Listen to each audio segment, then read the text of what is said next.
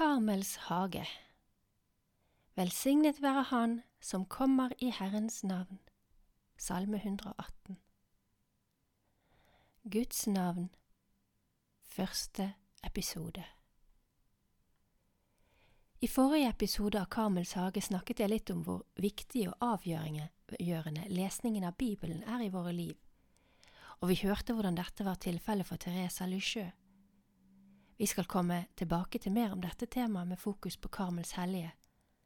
Men før vi går videre med dette, vil vi i en del programmer fremover ta noen ekstra blikk på hvordan vi kan lese Bibelen. Programserien om Hebreabrevet var et eksempel på en måte å lese Bibelen på, der vi leser én av Bibelens bøker, sammenhengende fra begynnelse til slutt, og hvor vi slår opp i noter og forklaringer for å kunne forstå det vi leser best mulig, for så, senere, å kunne synke dypere inn i ordet, etter det mønster som kartauseren Guigo, Guigos stige beskriver. Det er den klassiske metoden for lectia duina, og den begynner med første steg, som er lectio, altså lesning, og der vi prøver å forstå og orientere oss i teksten. Det neste stadiet er meditatio, meditasjon, der vi så å si drøvtygger teksten, og der vi assosierer sammen med Den hellige ånd over hva denne teksten kan bety, gjerne ved bruk av andre steder i Bibelen. Det tredje steget er oratia, altså bønnen, og til slutt, om Gud vil, contemplatio, kontemplasjonen. I dag skal vi nærme oss den metoden som kirkefedrene brukte intuitivt når de skulle meditere over Guds ord, nemlig det som broder Joel fortalte oss i et av sine foredrag som jeg leste for dere tidligere i år, der man belyser en bibeltekst med andre tekster i Bibelen, der det samme ord eller begrep er brukt. Og i den forbindelse brukte han ordet konkordans. Han sa, de gamle kristne, særlig munkene, kjente store deler av Skriften utenat.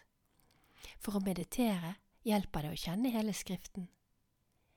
Vi finner i våre bibler stadig notater og referanser som henviser til andre passasjer i Bibelen, og dette kan hjelpe oss om vi ikke kjenner hele Bibelen godt nok. Men det er mye mer behagelig om vi har en konkordans i vårt hode og her står en parentes som forklarer ordet. En konkordans er en slags ordbok som viser alle steder hvor et ord eller et uttrykk er brukt i Bibelen. Parentes slutt. Som kirkefedrene gjorde, lærer vi å finne forbindelser med andre avsnitt mens vi leser. Og det er ofte Den hellige ånd som virker for å opplyse et avsnitt i Skriften gjennom et annet avsnitt. Om du ville lese hele artikkelen her, så finnes den i eh, ved Elias Kildes vårnummer i 2022. I dag skal vi begynne på en liten oppdagelsesreise som jeg har gjort, ikke ved hjelp av konkordansen i mitt hode, men den jeg har funnet i mine studiebibler. Kanskje dere også har en slik reise allerede lagt i deres hjerte? Har dere lagt merke til at når Gud ønsker å fortelle oss noe, så er det som om, han, som om alle ord vi leser, alle bøker vi leser, Bibelen, tidsskrifter, mennesker, ved en tilsynelatende stor tilfeldighet, gjør at vi blir minnet på det samme temaet fra så mange forskjellige vinkler. Jeg tror nok at vi er mange som kan ha opplevd noe lignende.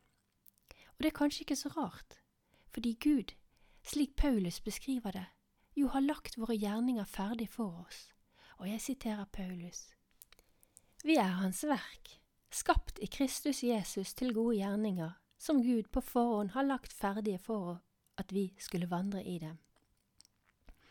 Efeserne 2,10 Vår oppgave blir egentlig et lite detektivarbeid, å finne sporene, vardene, ledetrådene, som Gud legger ut for oss, for at vi skal finne dem og de gode gjerningene han har lagt ut for oss.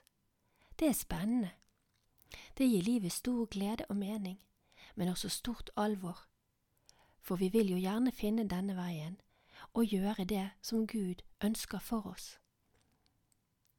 Vi finner slike spor overalt i livet, men ikke minst finner vi dem i Guds ord, Bibelen. Tenk, vi har en Gud som ikke bare lager ett løp, men som elsker hver og en av oss, slik at han gjennom sitt ord og sin Hellige Ånd daglig forbereder hver vår unike vei, og gir oss mulighet til å ta imot veiledning, gir oss varder når tåken setter inn, tenner fakler i natten.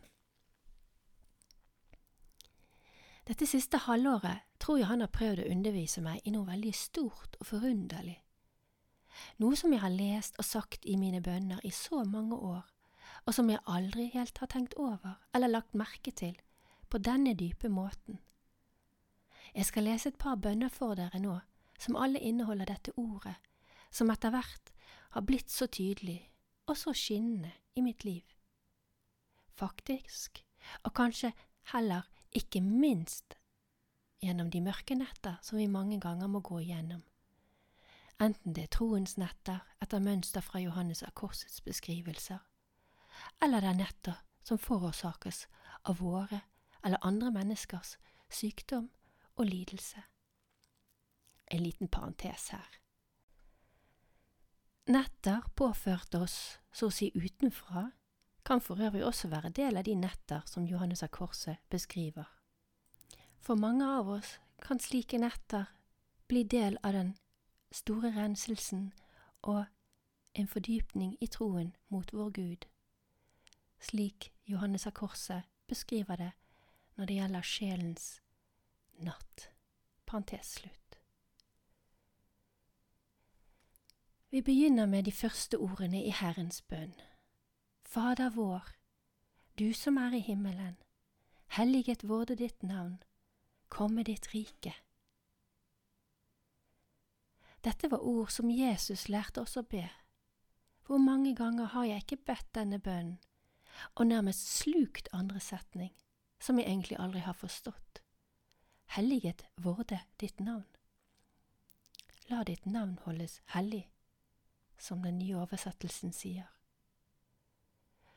Jo, litt har jeg kanskje forstått, og det er med kunnskap fra det andre bud, du skal ikke misbruke Guds navn. Hadde jeg vært litt mer bevandret over disse årene, ville jeg ha skjønt bedre at overtredelse av dette budet var meget alvorlig i gammeltestamentlig tid. I Tredje Mosebok 24,10 kan vi lese om hvordan Herren forlangte dødsstraff for en som forbannet Guds navn. De eldgamle undervisningsmetodene i, i Gamletestamentet er ikke lenger i bruk på samme måte, men alvoret av overtredelser er fortsatt gyldige. Jesus sier selv at han ikke kom for å oppheve en tøddel av loven, men for å oppfylle den. Så i Fader vår får vi presentert så å si den positive siden av budet. I Fader vår skal vi se at vi får alle de bønnene vi trenger å be til Herren vår Gud, for at vi også skal kunne holde Hans navn hellig. Ikke bare ved å la være å misbruke Guds navn, men ved å lovprise det med hele vår sjel, hele vårt liv og alt vi er og gjør. Vi ber sammen. Kom, Hellige Ånd, fyll dine troendes hjerter og tenn i dem din kjærlighetsild, du som gjennom de mangfoldige tungemål samlet alle folkeslag til troens enhet. Send ut din ånd, og alt skal bli omskapt, og du fornyer jordens åsyn. La oss be. Gud, du har opplyst de troendes hjerter ved Den hellige ånd. Gi oss at vi ved din ånd kan glede oss over det som er rett, og alltid bli lykkelige ved Hans trøst. Ved Kristus vår Herre. Amen.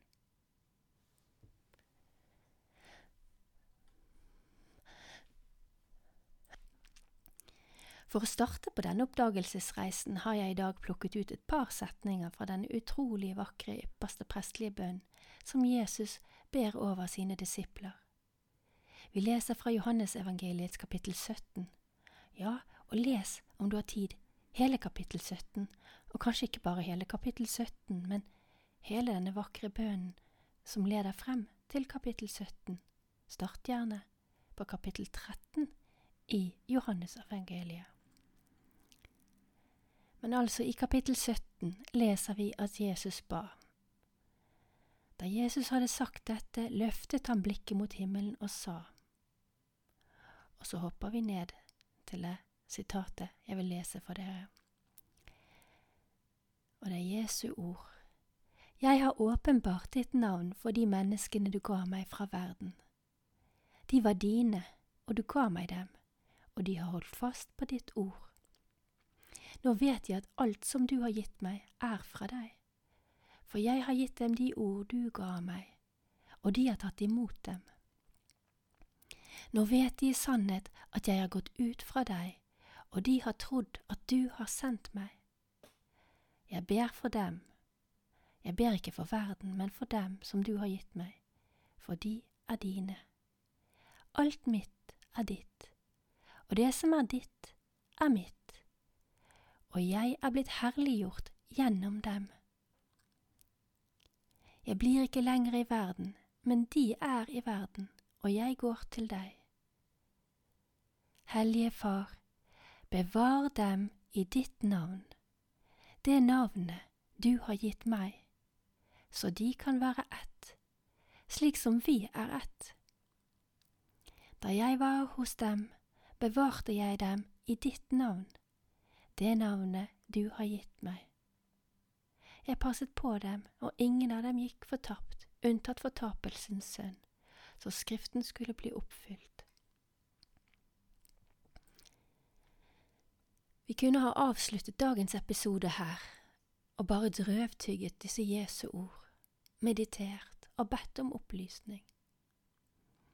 Gjør det senere når du har tid til å sette deg ned, finn din bibel, les, lengt og be til Jesus, som ber for oss til Faderen, som ber slik. Hellige Far, bevar dem i ditt navn, det navnet du har gitt meg, så de kan være ett, slik som vi er ett. Da jeg var hos dem, bevarte jeg dem i ditt navn, det navnet du har gitt meg. Sukk i ditt hjerte så ofte du husker på det. Hellige Ånd, bevar oss i Jesu navn. Jeg skal nå fortelle dere litt mer om denne oppdagelsesreisen. Hvordan våknet så denne store undringen over noe jeg aldri hadde tenkt på? Guds navn. Jo, ved en bønn som jeg strevet med å oversette. Det var den bønnen som Jesus ga til karmelittnonnen Maria av Sankt Peter, og hun levde mellom 1816 og 1848. Hun fikk denne bønnen direkte fra Jesus i et syn en gang på 1840-tallet. Og i denne visjonen ba Jesus henne innstendig om å arbeide for en devosjon til Hans hellige ansikt. Jeg har bedt denne bønnen daglig siden den gang, og jeg håper at flere av dere også kan begynne å be den fordi jeg tror verden trenger den, fordi jeg tror vi trenger den, og ikke minst fordi jeg er overbevist om at det vil glede Jesu hjerte. Den ligger på hjemmesiden til Karmels hage. Bønnen er ordrik som så mange av disse bønnene er. Den er opprinnelig, skrevet på et annet språk, fransk, og kan til dels være vanskelig å oversette. Om vi lar oss nedsenkes i den, om vi lar våre hjerter ører og forstand åpnes for, da, for hva den egentlig ønsker å si oss. Da vil den kunne bringe oss stor glede, stor veiledning, og den vil igjen lede oss til dette lyset, som lyser så ufattelig i vårt mørke. Og det er vel funksjonen av våre private åpenbaringer som Kirken noen ganger anerkjenner.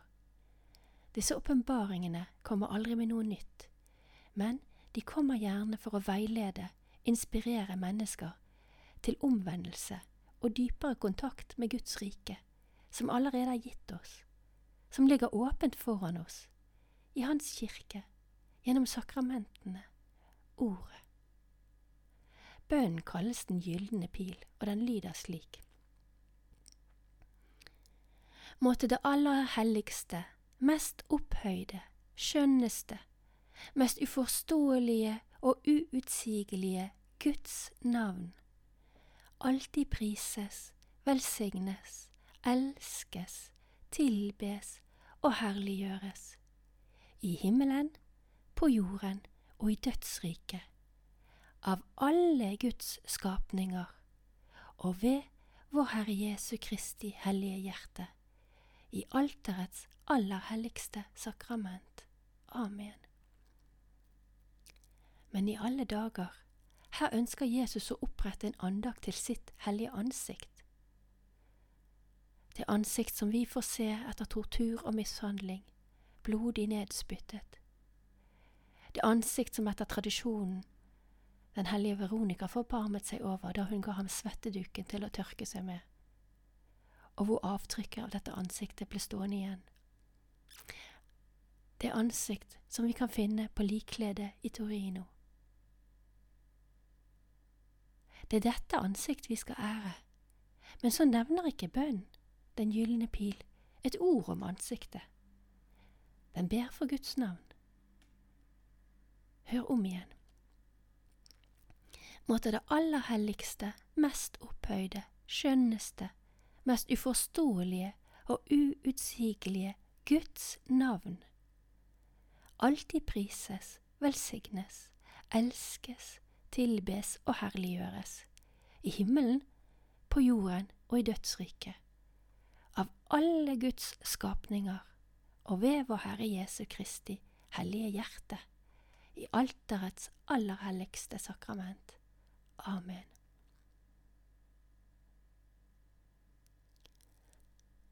På samme måte som våre liv her på jorden er fulle av overraskelser, er også det åndelige livet det. Noen overraskelser kan så over, være så overveldende sødmefylte at vi nesten ikke kan tro det er sant. Andre kan være så forferdelige, krevende og absolutt ikke ønsket. Og slik er det med det åndelige livet.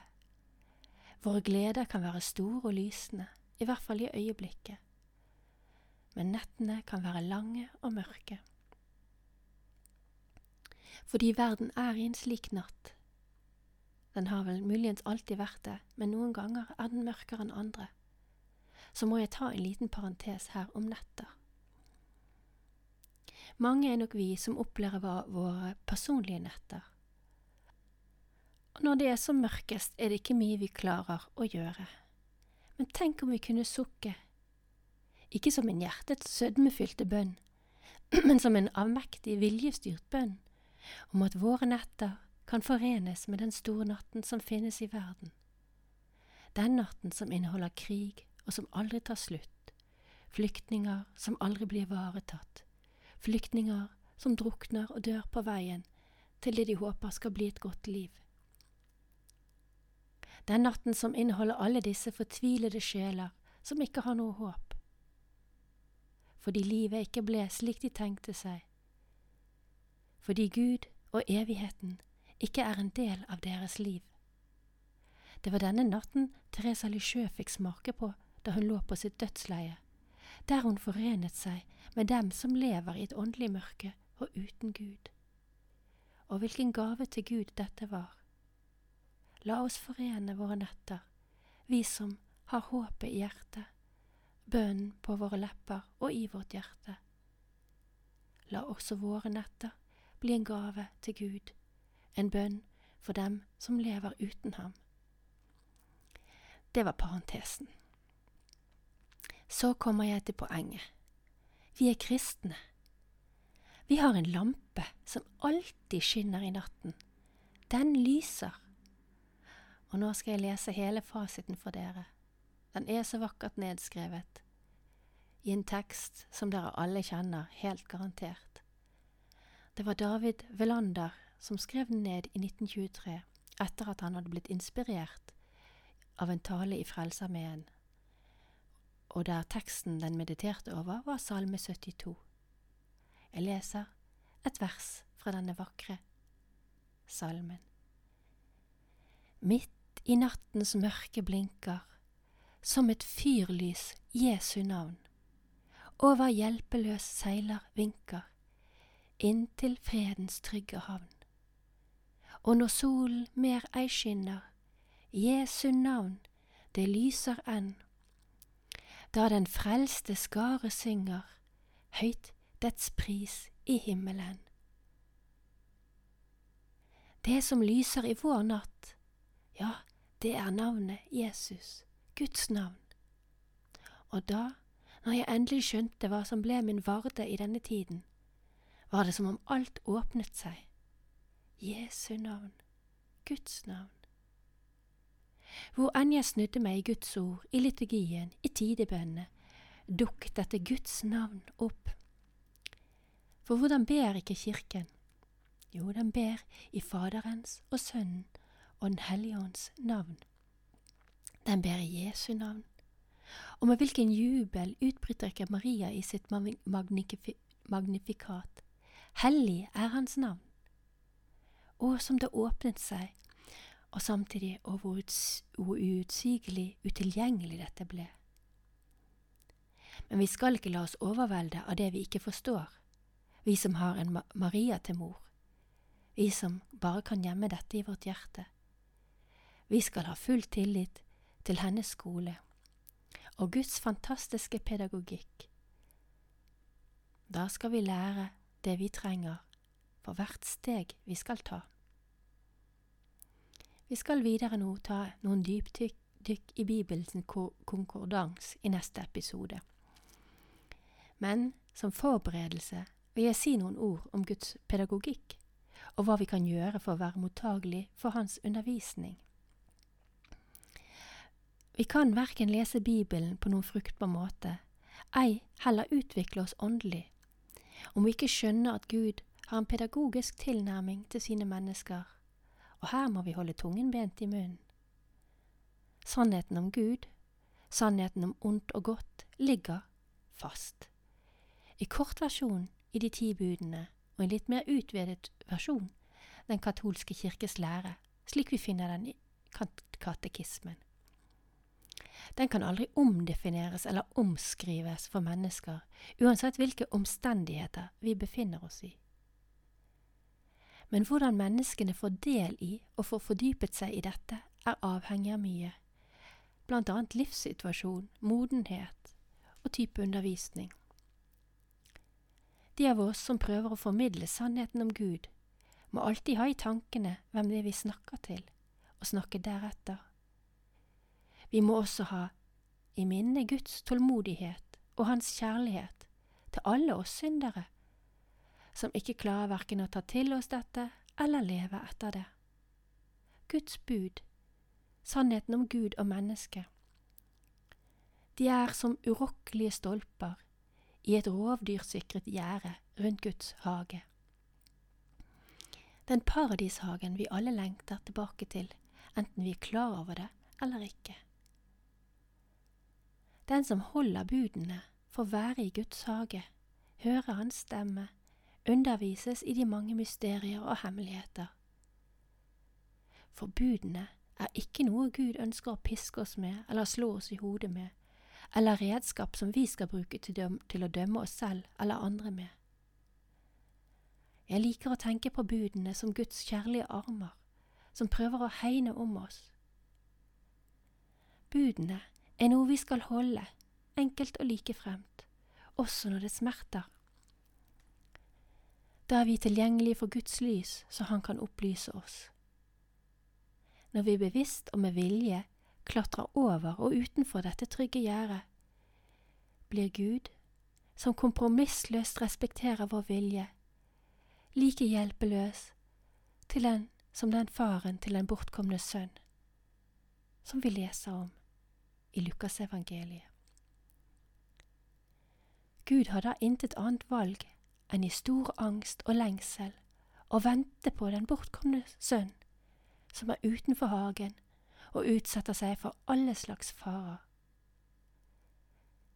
Vi kan ikke snakke om, Guds, om Gud og Guds navn og noe av det jeg vil snakke videre om uten å ha dette i mente. Gud elsker oss overalt på jord, og han ønsker bare å omfavne oss, kysse oss, gi oss nye klær, ring på fingeren og holde festmåltid. Så før vi dukker ned i Guds ord, er en selvransakelse helt nødvendig. Det er også et skriftemål når vi ser at vi beklageligvis kommer så altfor kort når det gjelder å leve etter Guds ord. Og jeg sier når og ikke om, fordi vi alle er syndere. Vi synder på forskjellige måter, men at vi er syndere, er ganske sikkert, fordi vi er mennesker. Dette er en ufravikelig del av å være menneske. Det eneste vi kan gjøre, er å rope på Gud om Hans nåde og veiledning. Gjør det. Som avslutning her i dag skal jeg lese litt for dere hva Therese av Avila skriver om å holde Guds navn hellig i hennes bok Fullkommenhetens vei, som hun skrev til sine nonner i de lukkede klostrene. Men den har også mye å fortelle oss. Hun skriver Jesus inviterer oss til å be disse ordene, hvorigjennom vi ber om at Guds rike må komme til oss. Helliget vorde ditt navn Kom med ditt rike. Tenk først, mine døtre, på mesterens store klokhet. Jeg tenker her på hva det er vi ber om når vi ber om dette riket, og det er veldig nyttig at vi skjønner det. Men siden Hans Majestet så at vi verken kunne prise eller hel hellige, heller ikke opphøye eller herliggjøre dette vår evige Fars hellige navn, på noen passende måte, på grunn av det ørlille vi selv er i stand til å gjøre. Så sørget han for oss ved å gi oss sitt rike her på jorden. Det er derfor Jesus satte disse to bønnene etter hverandre. Så i dag, når du går ut i verden, eller inn i ditt kammer, la Jesu ord klinge i ditt hjerte. Og vi leser fra Lukas evangeliet 13, 34. Jerusalem, Jerusalem, du by som dreper profetene, du som steiner dem Gud har, Gud sender deg. Mange ganger vil jeg samle barna dine, en høne samler kyllingene sine under vingene. Slik ville jeg gjøre med dere. Men dere ville ikke. Så hør, tempelet deres skal bli forlatt. Jeg sier dere, dere skal ikke se meg før den dagen dere sier, Velsignet er Han som kommer i Herrens navn. Amen.